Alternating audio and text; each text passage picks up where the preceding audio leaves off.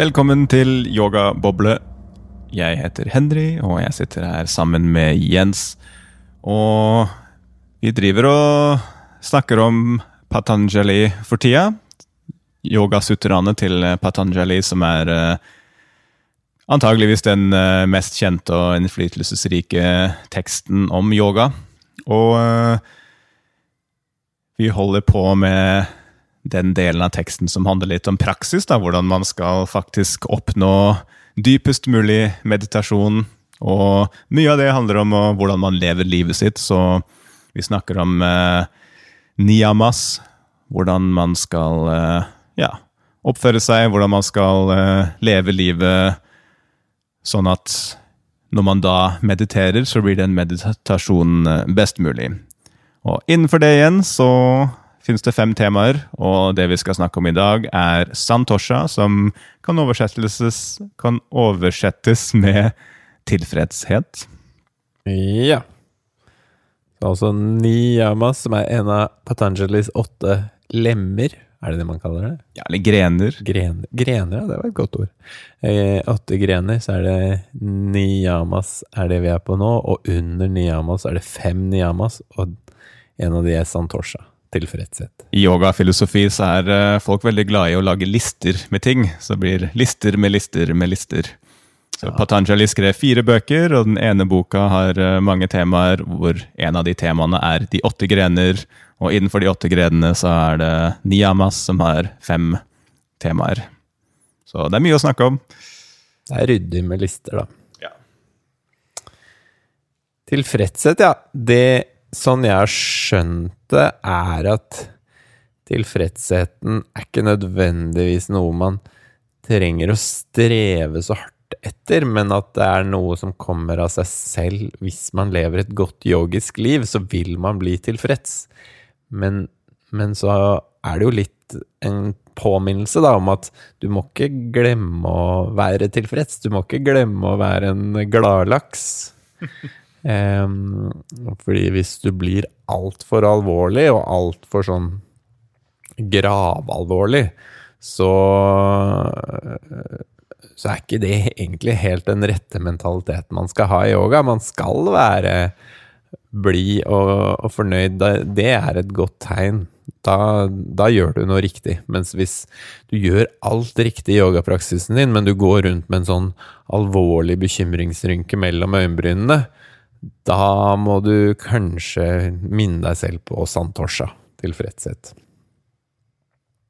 Det fins jo um, flere aspekter uh, man kan snakke om. Jeg tror at uh, i vår kultur, kanskje spesielt i Norge, så, så tror jeg mange sliter litt med å være tilfreds. At man alltid søker etter noe bedre. Man har alltid et eller annet mål man, man vil oppnå. Man er aldri helt fornøyd. Alltid noe som mangler. Jeg tror det er veldig mange som opplever det. At åh, det er et eller annet som mangler i livet mitt. Ikke, jeg har ikke realisert meg selv eller drømmene mine nok. Det er noe, det er noe som mangler. Og så driver man alltid og jager etter en eller annen ny topp man kan bestige, og så glemmer man litt å bare nyte reisen, på en måte.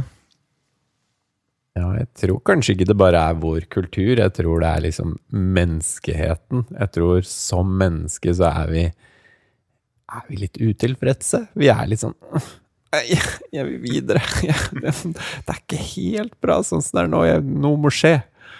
Eh, og det er jo det Buddha også Han snakket jo om Eller jeg husker på ungdomsskolen så lærte vi at Buddha han sier at alt i verden er lidelse, og da var jeg sånn nei, nei, dette her er ikke noe for meg. Jeg syns jo det er ikke lidelse når jeg driver og spiser is.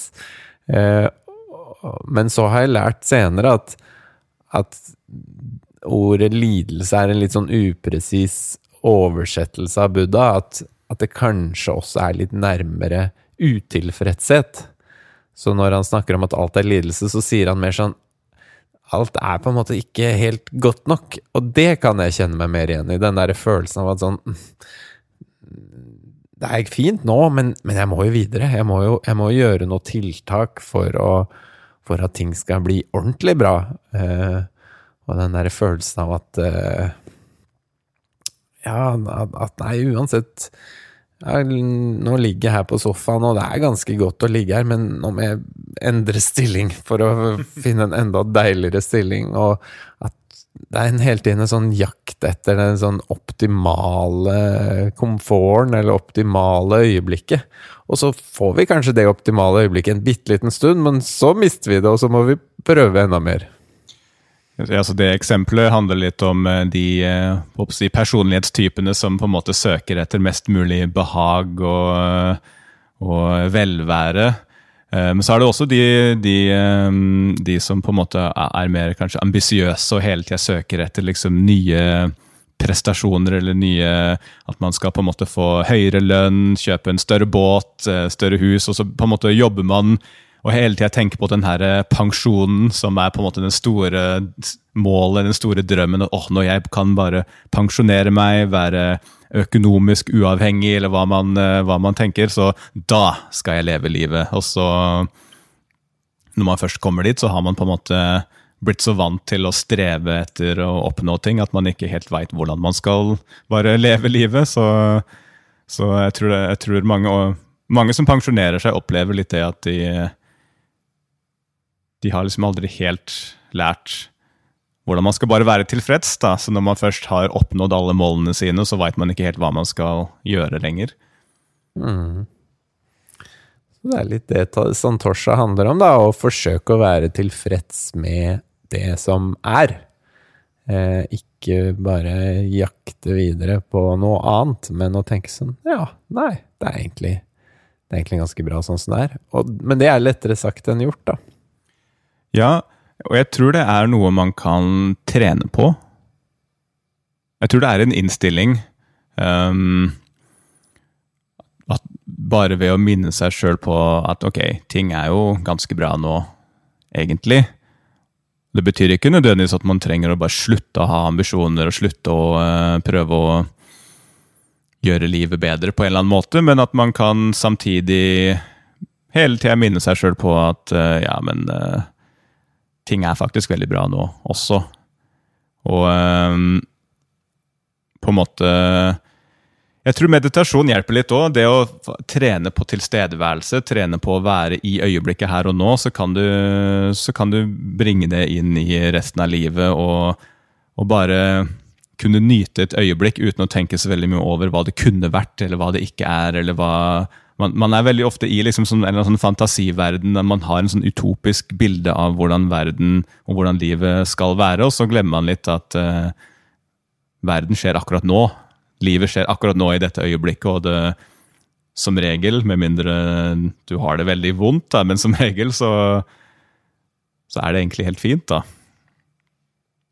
Ja, på et eller annet nivå så er det jo helt, helt fint hele tiden. Uh, men, men, men, vi har det jo vondt òg. Det er jo det er på en måte lov til å være utilfreds med at det er vondt. Det må jo være eh, Det må være greit å klage litt. Men, men, men samtidig så sier jo disse yogiene at, at dypest sett, dypest sett, dypt inni deg, så er du laget av ren lykke og ren tilfredshet. Og hvis du er identifisert med den dypeste delen av deg selv, da vil ikke alle disse eh, Ja, alle disse tingene som du opplever, oppleves eh, fælt for deg. På samme måte fordi du kjenner at 'nei, men jeg er, er denne rene lykken', jeg er denne rene kjærligheten som er på en måte din dypeste natur.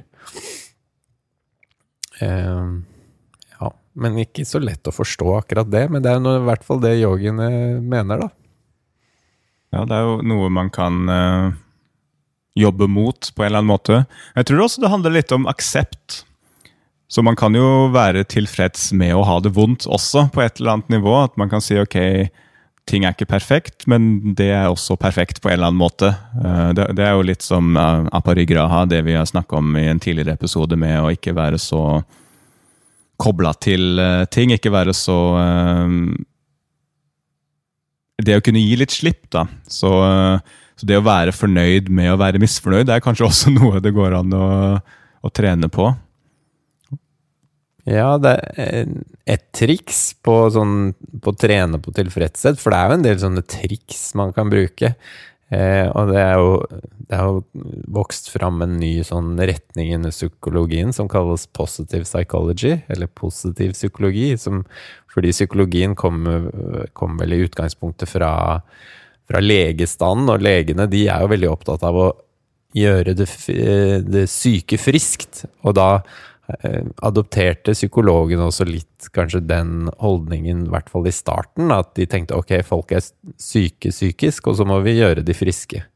Men så har det ikke vært så mye fokus på at folk som kanskje ikke nødvendigvis er syke, skal bli glad, men mer et fokus på ja, gå fra minus til null istedenfor fra null til pluss. Jeg tror det også handler litt om ressurser og penger, at uh, samfunnet har på en måte ikke råd til å satse på folk som, er, eh, som ikke er ordentlig sjuke. Så, så de som jobber som psykolog eller psykiater, at de menneskene du jobber med, er folk som allerede har fått skikkelige problemer, fordi ellers så ja, Det er liksom ikke ressurser til det. Men man kan jo si at det er en ganske dårlig Egentlig en ganske sånn dårlig måte å tenke på. fordi hvis man kunne jobba litt sånn forebyggende istedenfor, så ville man kanskje ikke fått så mange sjuke folk, da. Ja, og så tenker jeg at eh, hvis, hvis en veldig stor andel av samfunnet var kjempetilfreds, var liksom ikke bare i null 'livet er helt greit', men at man bare 'ho, Livet er så fantastisk herlig. Da ville også alle disse folka her eh, bidratt til å dra alle opp, tror jeg. Mm. Jeg tror at eh, jo flere folk i et samfunn som er skikkelig skikkelig glad, som er skikkelig tilfreds og fornøyd med tilværelsen, jo flere klarer de å dra andre også opp. Fordi det, vi er jo knyttet sammen, og en person som er skikkelig fornøyd, er jo mye hyggeligere mot alle andre og har mye mer lyst til å hjelpe omverdenen også. Ja, absolutt.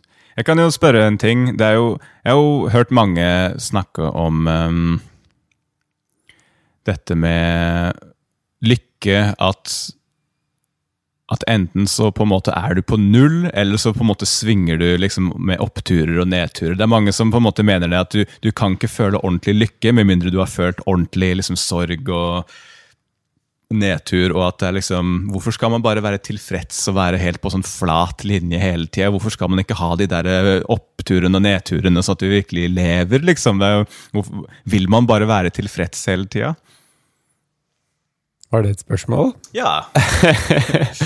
um, fordi, fordi, det er jo noe å tenke på, fordi i yoga så er det egentlig ikke Man skal på en måte ikke eller Målet etter hvert er at du skal bare være liksom tilfreds egentlig hele tida. Og mange vil mene at uh, da mister man noe, da.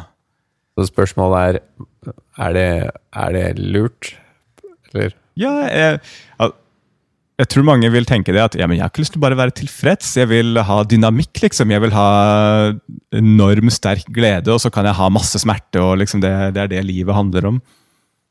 Ja, det, det, er interessant, fordi de som De de sier er opplyst, da, de som har på en måte kommet i mål, sånn som Buddha eller, eller Eckhart Tolle eller hvem som helst, som har liksom kommet i mål med å bli eh, i perfekt union, i perfekt yoga, de, man, de sier jo de er liksom alltid tilfreds, da. At det er bare konstant tilfredshet. Og, og, jeg er litt enig om at det høres litt sånn flatt ut. At vi, vi trenger liksom Vi trenger kontrastene for å virkelig kjenne at ting må være litt kjedelig for at det skal være gøy etterpå. Det er ikke bare gøy, gøy, gøy, gøy, gøy, gøy. gøy. Um, men de sier jo det, da, at det går an. At det går an istedenfor å ha eh, bølgetopper og bølgedaler, så kan du bare surfe på en evig bølgetopp. Eh, og eh, og dynamikken kanskje ikke trenger å gå fra utilfredshet til, eh, til tilfredshet, men at dynamikken kan heller gå fra at ja, det, nå skjer det noe gøy, og så skjer det noe annet gøy. jeg, jeg, jeg, tror veldig på det. Det er i hvert fall sånn jeg har opplevd min egen utvikling. At det svinger, men på en måte svingningen har en retning oppover uansett. At liksom nedturene er fortsatt bedre enn nedturene før, og oppturene er bedre enn oppturene før.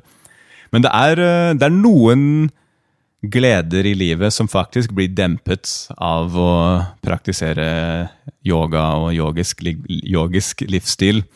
Ja, Altså, hva da? Nei, altså gleden du får av å vinne, f.eks. Ja. Gleden du får av å på måte, slå- å være, slå andre å være bedre enn noen Ja. andre. Eller gleden du får av å liksom prestere, kanskje. Gleden du får av å oppnå noe som du har jobba for. Alle de tingene blir faktisk litt dempet. Jeg, gled, jeg er merket at gleden over å plage kattunger har blitt veldig dempet hos meg. Jeg, jeg får ikke, noe glede av å plage, plage kattunger lenger. Det syns jeg mist, er en stor del av Men tenk, tenk liksom en, en, en toppidrettsutøver som på en måte vinner et mesterskap. Den enorme gleden de føler, den vil bli dempet etter hvert. Altså, men jeg syns det Tror du det? Eller er det For nå, så det sa du veldig bastant her. Den vil bli dempet etter hvert. For det er gleder som for egoet. Det er egoet som syns det er stas å være bedre enn andre. Jo, men egoet blir ikke borte. Det blir ikke borte, men det, det blir jo mindre viktig og mindre liksom styrende. Jo, men jeg tror at Jeg, tror, jeg er ikke enig med deg. Jeg tror at uh, ego kan kose seg like mye over å vinne over et annet lag i fotball, uh, eller å vi, vinne et eh, løp.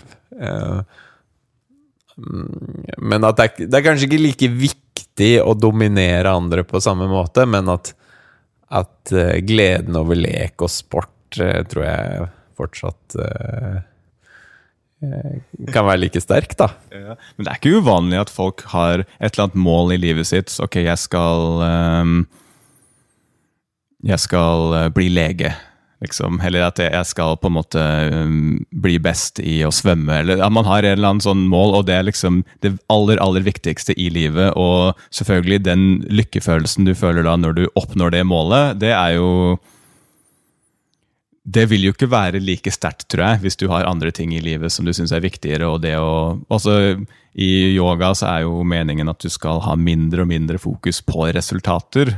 Så det å oppnå et resultat blir mindre og mindre viktig, og da er det naturlig at den følelsen du får av eh, Altså den veldig kortvarige lykkefølelsen som du vanligvis ville fått av å oppnå det resultatet, blir litt mindre. Men jeg syns ikke det er et stort tap, er kanskje poenget mitt. da. For Det er uansett en veldig kortvarig følelse. Du ser jo det, de som er på en måte toppidrettsutøvere som til slutt blir best i hele verden, de er ikke så lykkelige, har jeg inntrykk av. For når det først blir best, hva skal de gjøre da? Da, liksom da blir meningen litt borte. Da Da har de ikke noe mål lenger, og så er det kanskje ikke så fantastisk som de trodde det skulle være å være best. Ja, der kanskje du har rett. Jeg, en av mine helter er Zlatan Ibrahimovic. Jeg vet ikke, jeg har et sånt hjerte for Zlatan. Han, eh, jeg vet ikke, jeg, jeg, jeg, jeg kan kose meg med å se på sånne intervjuer på YouTube med Zlatan. Og han er jo innmari, innmari god i fotball. Um, og, og jeg syns han virker ganske tilfreds, jeg, selv om han så, men, men jeg tror kanskje ikke Jeg vet ikke om det handler om hva det handler om. Hvorfor han eh, er så tilfreds. Og, eller, og kanskje han ligger hjemme og gråter i senga, også for alt jeg vet. At han, han men, men det er et eller annet med han som virker veldig sånn avbalansert òg, syns jeg. eh, I, I hans voldsomme selvgodhet. Men, men for meg så tror jeg jeg, hvis jeg skal prøve å lage en liten analyse av Zlatan, så tror jeg det er at uh, han har liksom Han har med seg leken. Og han synes det er litt sånn Fordi ja, Hvis dere ikke vet så mye om Zlatan, altså måte Eller det som jeg fascineres av, han er hans sånn voldsomme selvgodhet, og at han liksom snakker om at han er best. Han bare 'Ja, er best'. og så ler han litt sånn Så ler han litt sånn godslig etterpå. Eh, og så men, men så, så virker det liksom som han tøyser litt hele tiden. Han er litt sånn Han ler liksom litt av seg selv samtidig som han mener det.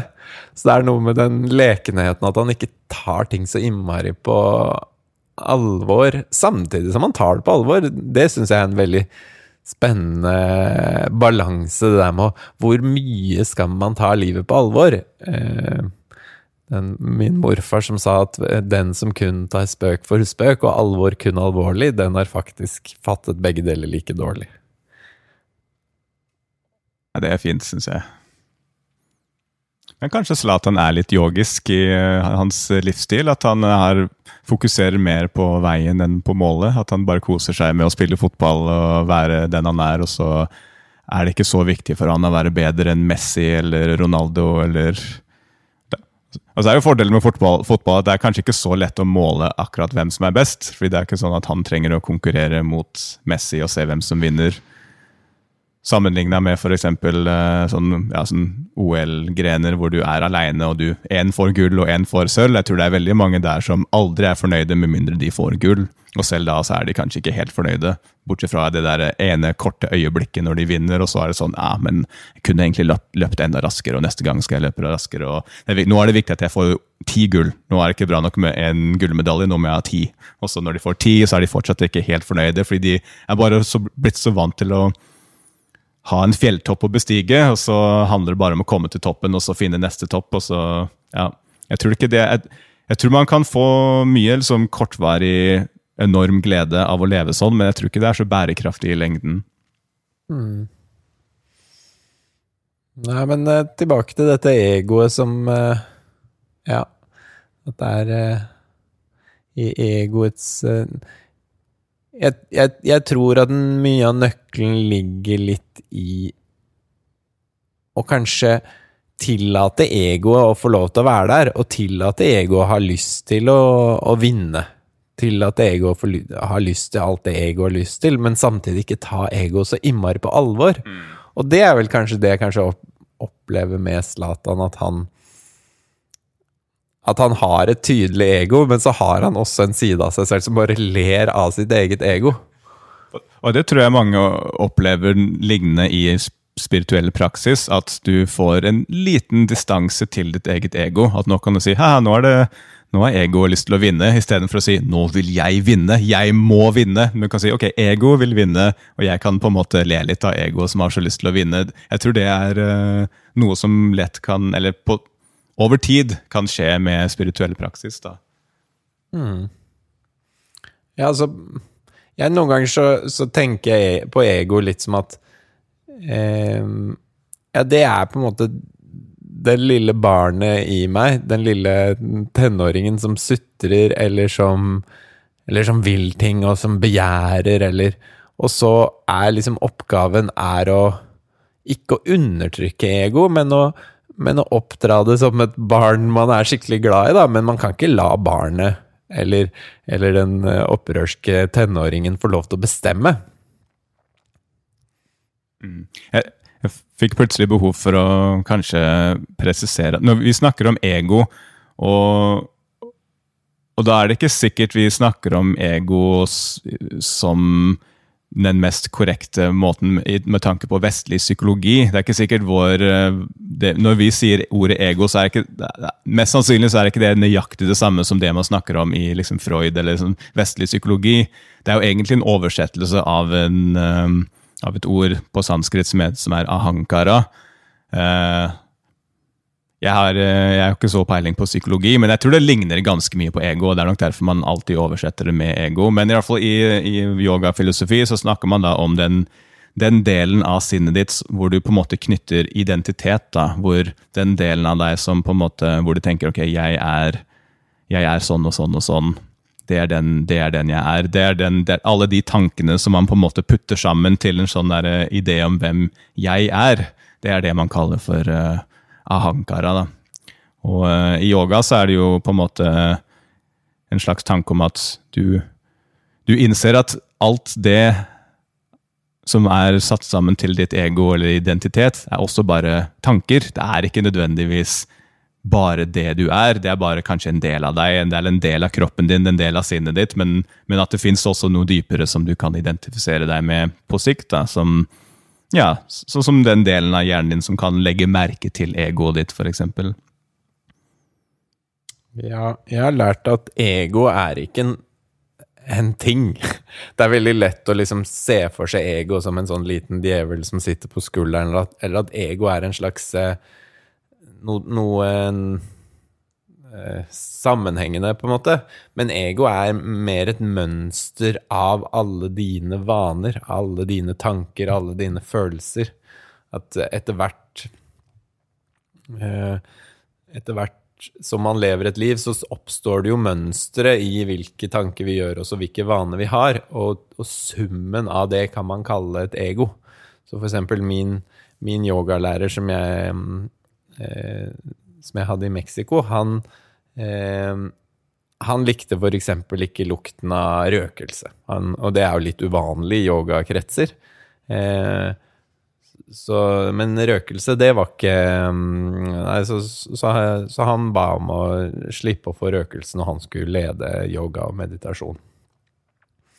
Og det kan man jo si på en måte, det er egoet hans som har en motstand mot lukten av røkelse. Eh, eh, men hvis man da skal på en måte finne ut av hva, hva er dette egoet som, eh, som ikke liker røkelse, så kan man på en måte da Hvis du lagde en film da, hvor du filmet han, og så, og så filmet du 100 ganger på rad hvor, hvor, du ser han rynke på nesen fordi han får liksom lukten av røkelse inn i nesa, og så ser du et lite grimase, og så klipper du sammen alle de 100 gangene på rad og lager en liten film med hans ansikt som gjør det grimaset 100 ganger, det er på en måte egoet. Alle, alle, alle, gangene han har tenkt sånn uh, røkelse. Uh. Og, så summen av alle eh, Av alle mønstrene våre blir til slutt ego, da. Og det er interessant. Um, det er, ego er på en måte i stor grad knytta til fortid. Det er på en måte alle dine erfaringer og og alt som på en måte har skjedd, og som, som du tenker på at det er, det er, hvem jeg er. Alle de tingene jeg har opplevd, og de tingene som har formet meg til hvem jeg er. Og det mange, det folk kan oppleve i liksom sånne ja, Det hender at noen får liksom der plutselig sånne oppvåkningsopplevelser. da, At man, uh, man har en opplevelse hvor man plutselig bare Alt forandrer seg litt. Og det, det folk beskriver ofte, er at spesielt hvis man har et ego som man har slitt med. da. At man bare hater seg sjøl, f.eks. At uh, man bare ikke kan Man takler ikke hvem man er. Og så plutselig så innser man at oi, men jeg kan jo bare fortsette med et nytt ego, eller uten et ego. At alle de tingene som jeg ser på, på som meg sjøl, som handler om fortid, jeg trenger faktisk ikke å bringe det videre inn i nåtid eller fremtiden. da. At det går faktisk an å bare sette det litt fra seg noen, noen, har i hvert fall opplevd at, eh, at, det, at, det, er mulig. At alt det du ikke liker med deg sjøl, kan du liksom bare legge igjen. Og så plutselig så er du bare en ny person, da. Ja, hvis egoet ditt er bare et mønster av alle de tingene du pleier å gjøre, så kan du bryte ut av mønsteret, da. Og hvis du Hvis det, min lærer bare sier sånn Nei, faen heller, nå skal jeg bare slutte å, å plages av røkelse nå skal jeg bare Nå skal jeg jobbe meg sjæl, og så skal jeg virkelig finne, finne noe positivt med røkelse oppi nesa mi. Og, og, da plutselig så er hans personlighet forandra seg litt. Og egoet hans også blir litt annerledes. Jeg liker, eh, jeg liker historien til eh, Eckhart Tolle, som er en ganske populær eh, spirituell eh, leder eh, nå for tida. Han er fra Tyskland, tror jeg. Og uh, han snakker om sin på en måte oppvåkningsopplevelse. At han var liksom veldig langt nede og dyp depresjon og bare ikke likte seg sjøl i det hele tatt. Og så kom han til det punktet hvor han på en måte sa til seg sjøl at jeg, jeg, kan ikke leve med meg sjøl lenger. Og idet han sa det, så sier han at han opplevde at bare den måten å formulere seg på trigga et eller annet. At jeg kan ikke leve med meg sjøl. At det er to forskjellige ting. Du har jeg, og så har du med meg sjøl, og så er det de, den ene som ikke kan leve med den andre. Og da plutselig så bare skap, det, det, skapte en distanse mellom de to. Ok, har, Hvem er jeg, og hvem er den tingen jeg ikke kan leve med? Kanskje, kanskje jeg er det viktige, og den der meg selv som jeg ikke kan leve med, kanskje jeg ikke trenger å ha det lenger. uten å uten å, Jeg trenger ikke å ta livet mitt, men jeg kan på en måte bare legge igjen den tingen jeg ikke kan leve med. Og han, eh, han sier i hvert fall at han opplevde at det var en sånn der, eh, ja, over natta endring i livet, og fra da så bare var han en spirituell person, da. Ja, nei, jeg kunne ønske jeg også fikk til det. ja, ikke sant?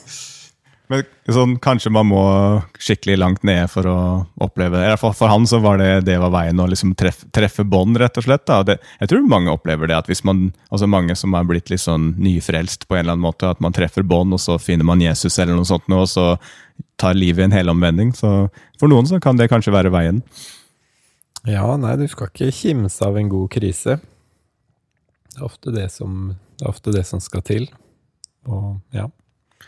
Men tilbake til Santosha, tilfredsheten. fredsheten. jeg husker jeg så en gang et sånn Dalai Lama-sitat, eh, hvor han sa eh, meningen med livet er å være lykkelig.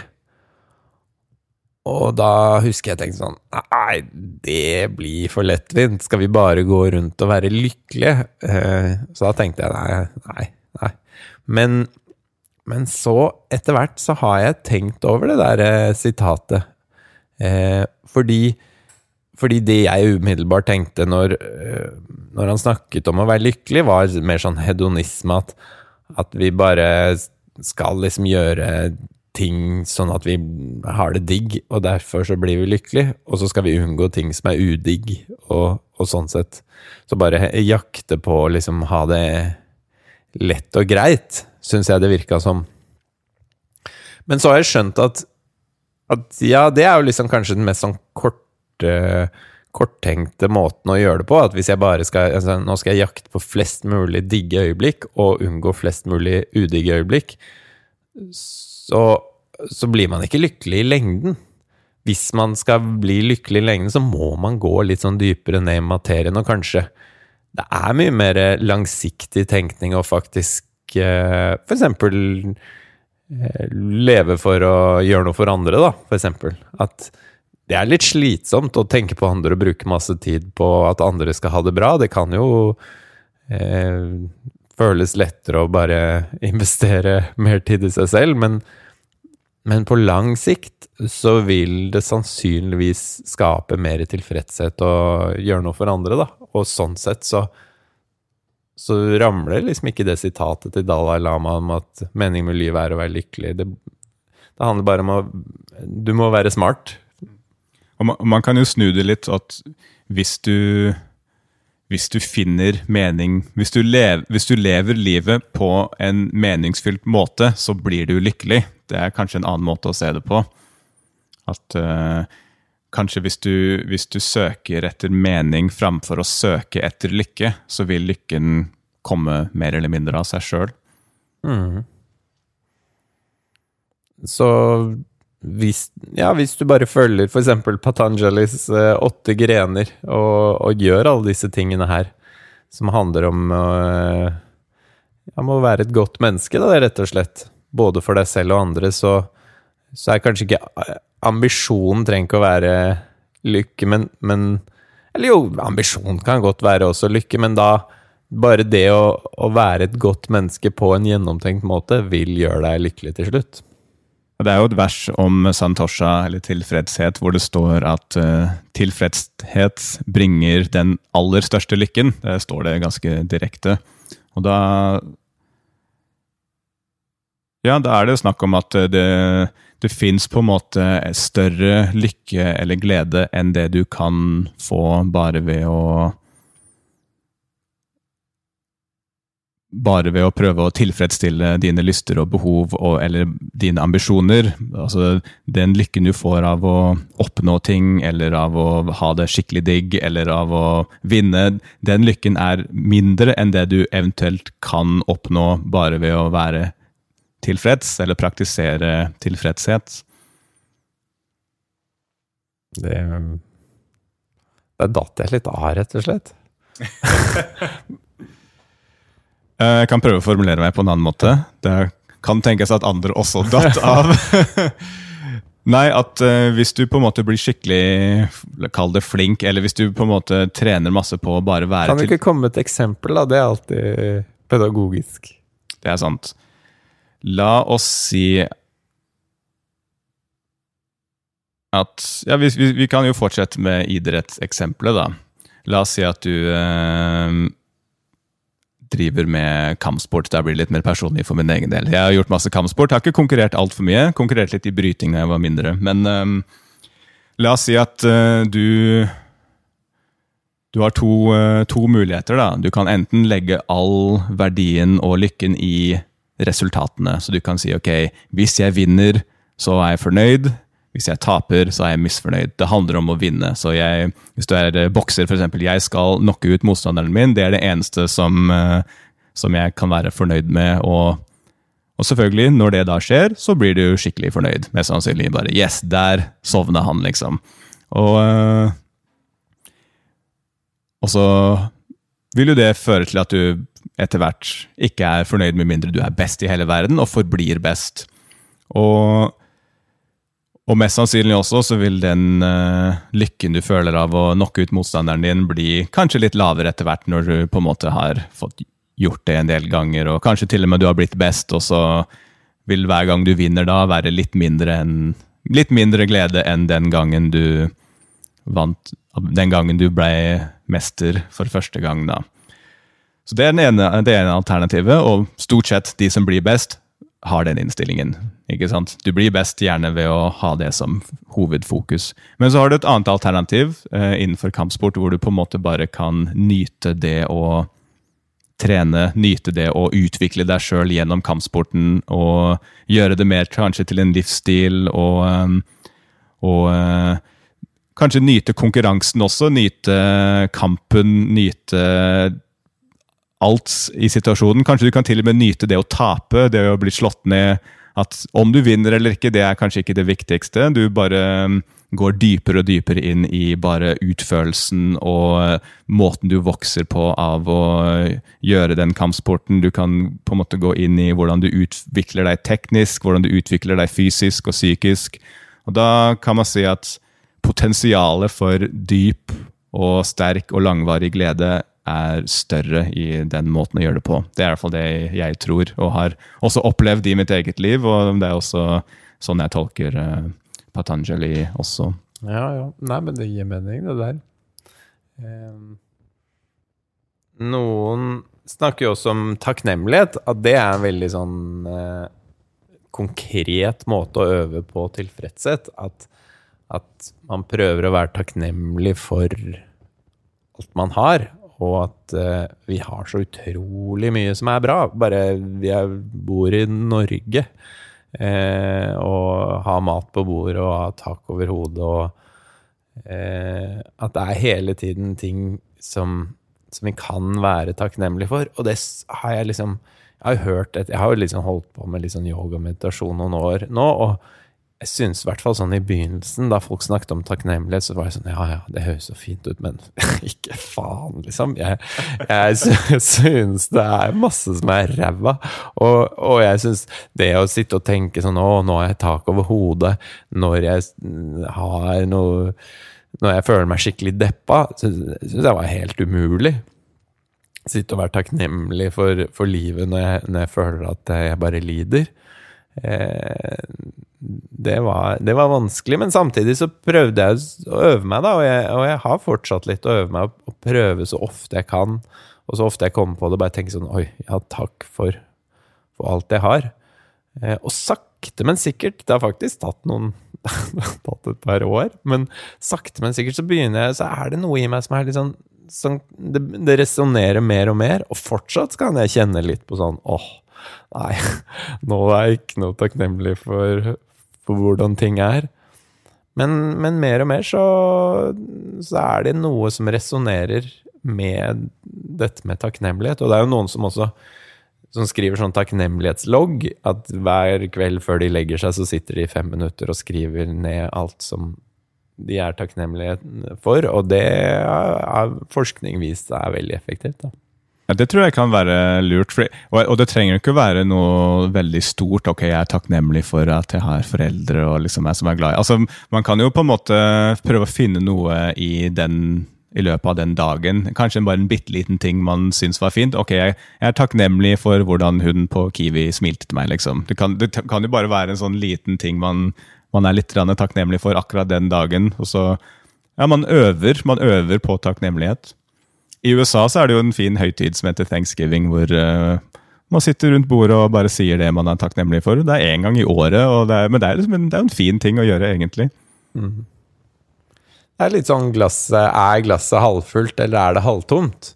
At du kan helt Det handler bare om å lære seg å fokusere på det som er bra. Fordi det er alltid noe som er bra. Og så er det alltid noe som er dårlig, men da, hvis du klarer å rette fokuset ditt på det som er bra, så, så blir du vel mer tilfreds, da.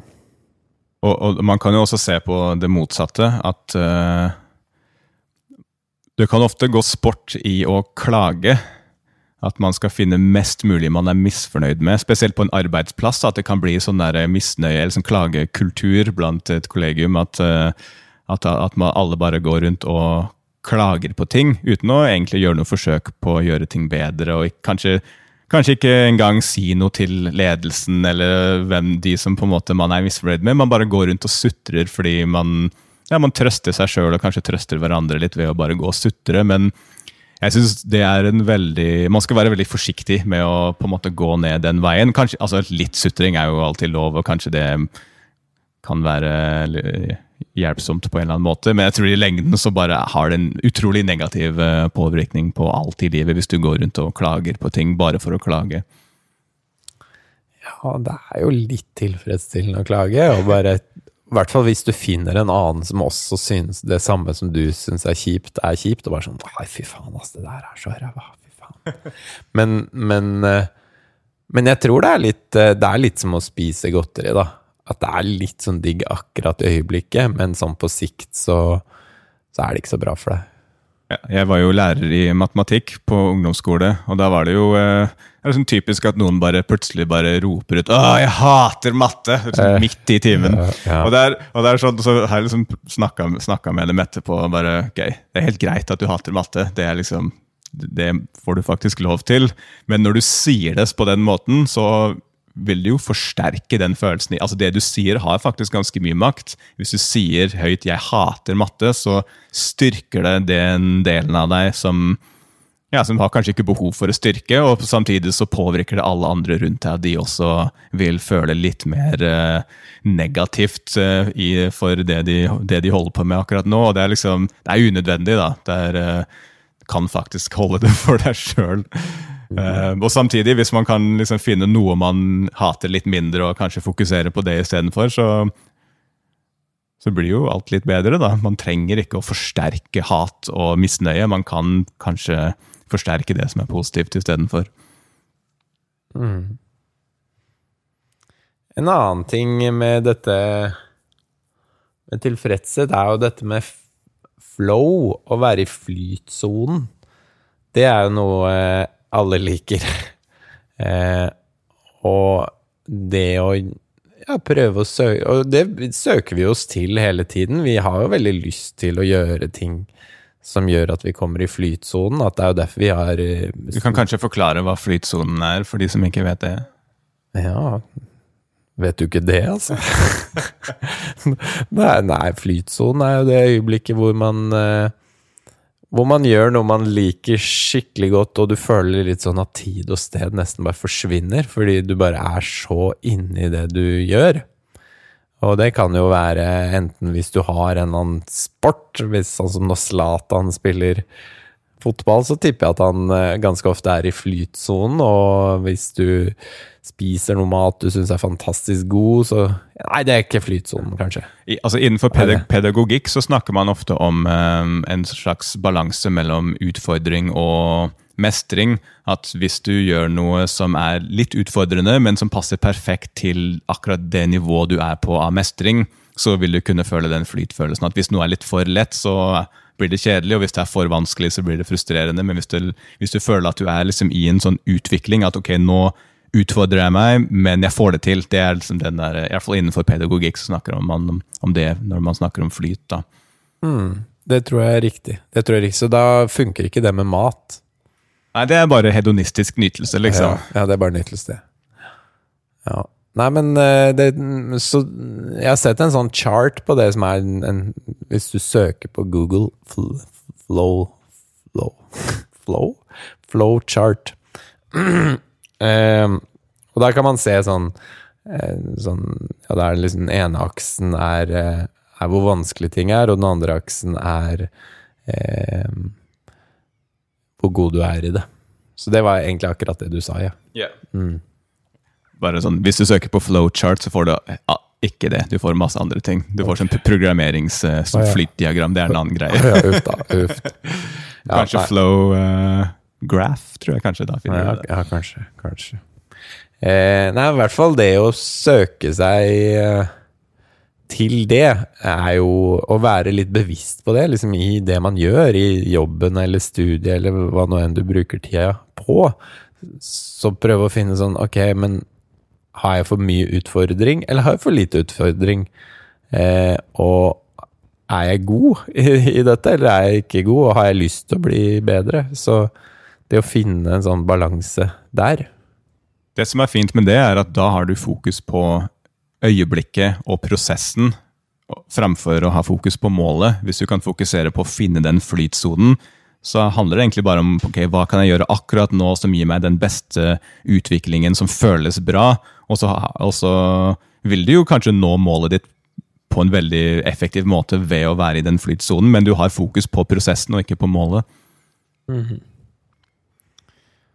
Det er jo veldig mye man egentlig kunne snakket om med tilfredshet og sånn positiv psykologi og ting som kan hjelpe en til å føle eh, mer tilfredshet. Og det er vel egentlig en podkast i seg selv. Eh, men jeg lurer på kanskje om eh, vi skal sette strek der? Det var én ting, ting, jeg hadde lyst til å nevne. Trenger kanskje ikke å ta så lang tid. Jeg bare, jeg, for ikke så lenge siden så, så jeg den her eh, norske, den nye filmen til Joakim Trier, 'Verdens verste menneske', som har fått mye medie, medieoppmerksomhet i det siste, fordi den er veldig bra.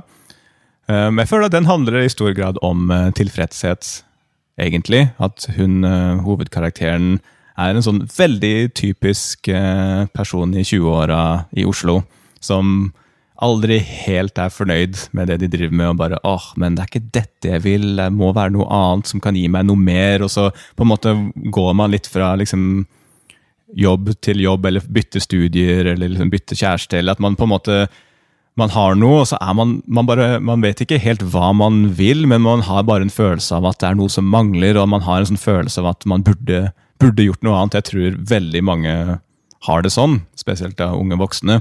Fordi, litt fordi man bor i et land hvor du kan gjøre hva som helst. og Det er, liksom, som, det er så høye forventninger til selvrealisering. Da. Det er så store forventninger til hva du skal oppnå i livet. Du skal, du, skal, reise verden rundt, og du skal uh, ha drømmejobben, og du skal ha sånn, fantastisk uh, kjærlighetsforhold, men også ha masse bra festing og singelliv. og Det er så mye du skal oppnå i livet.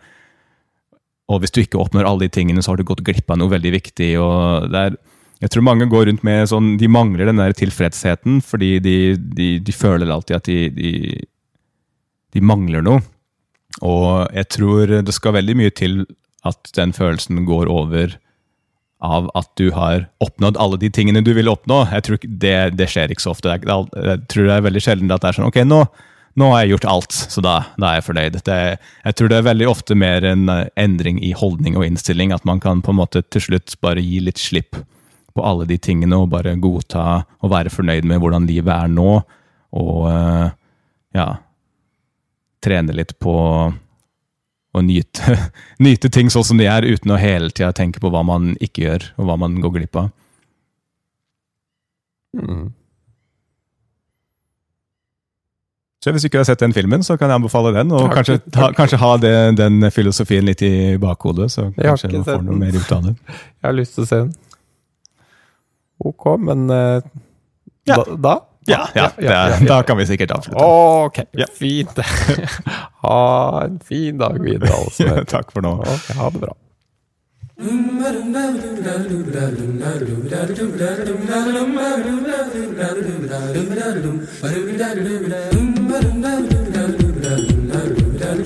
you.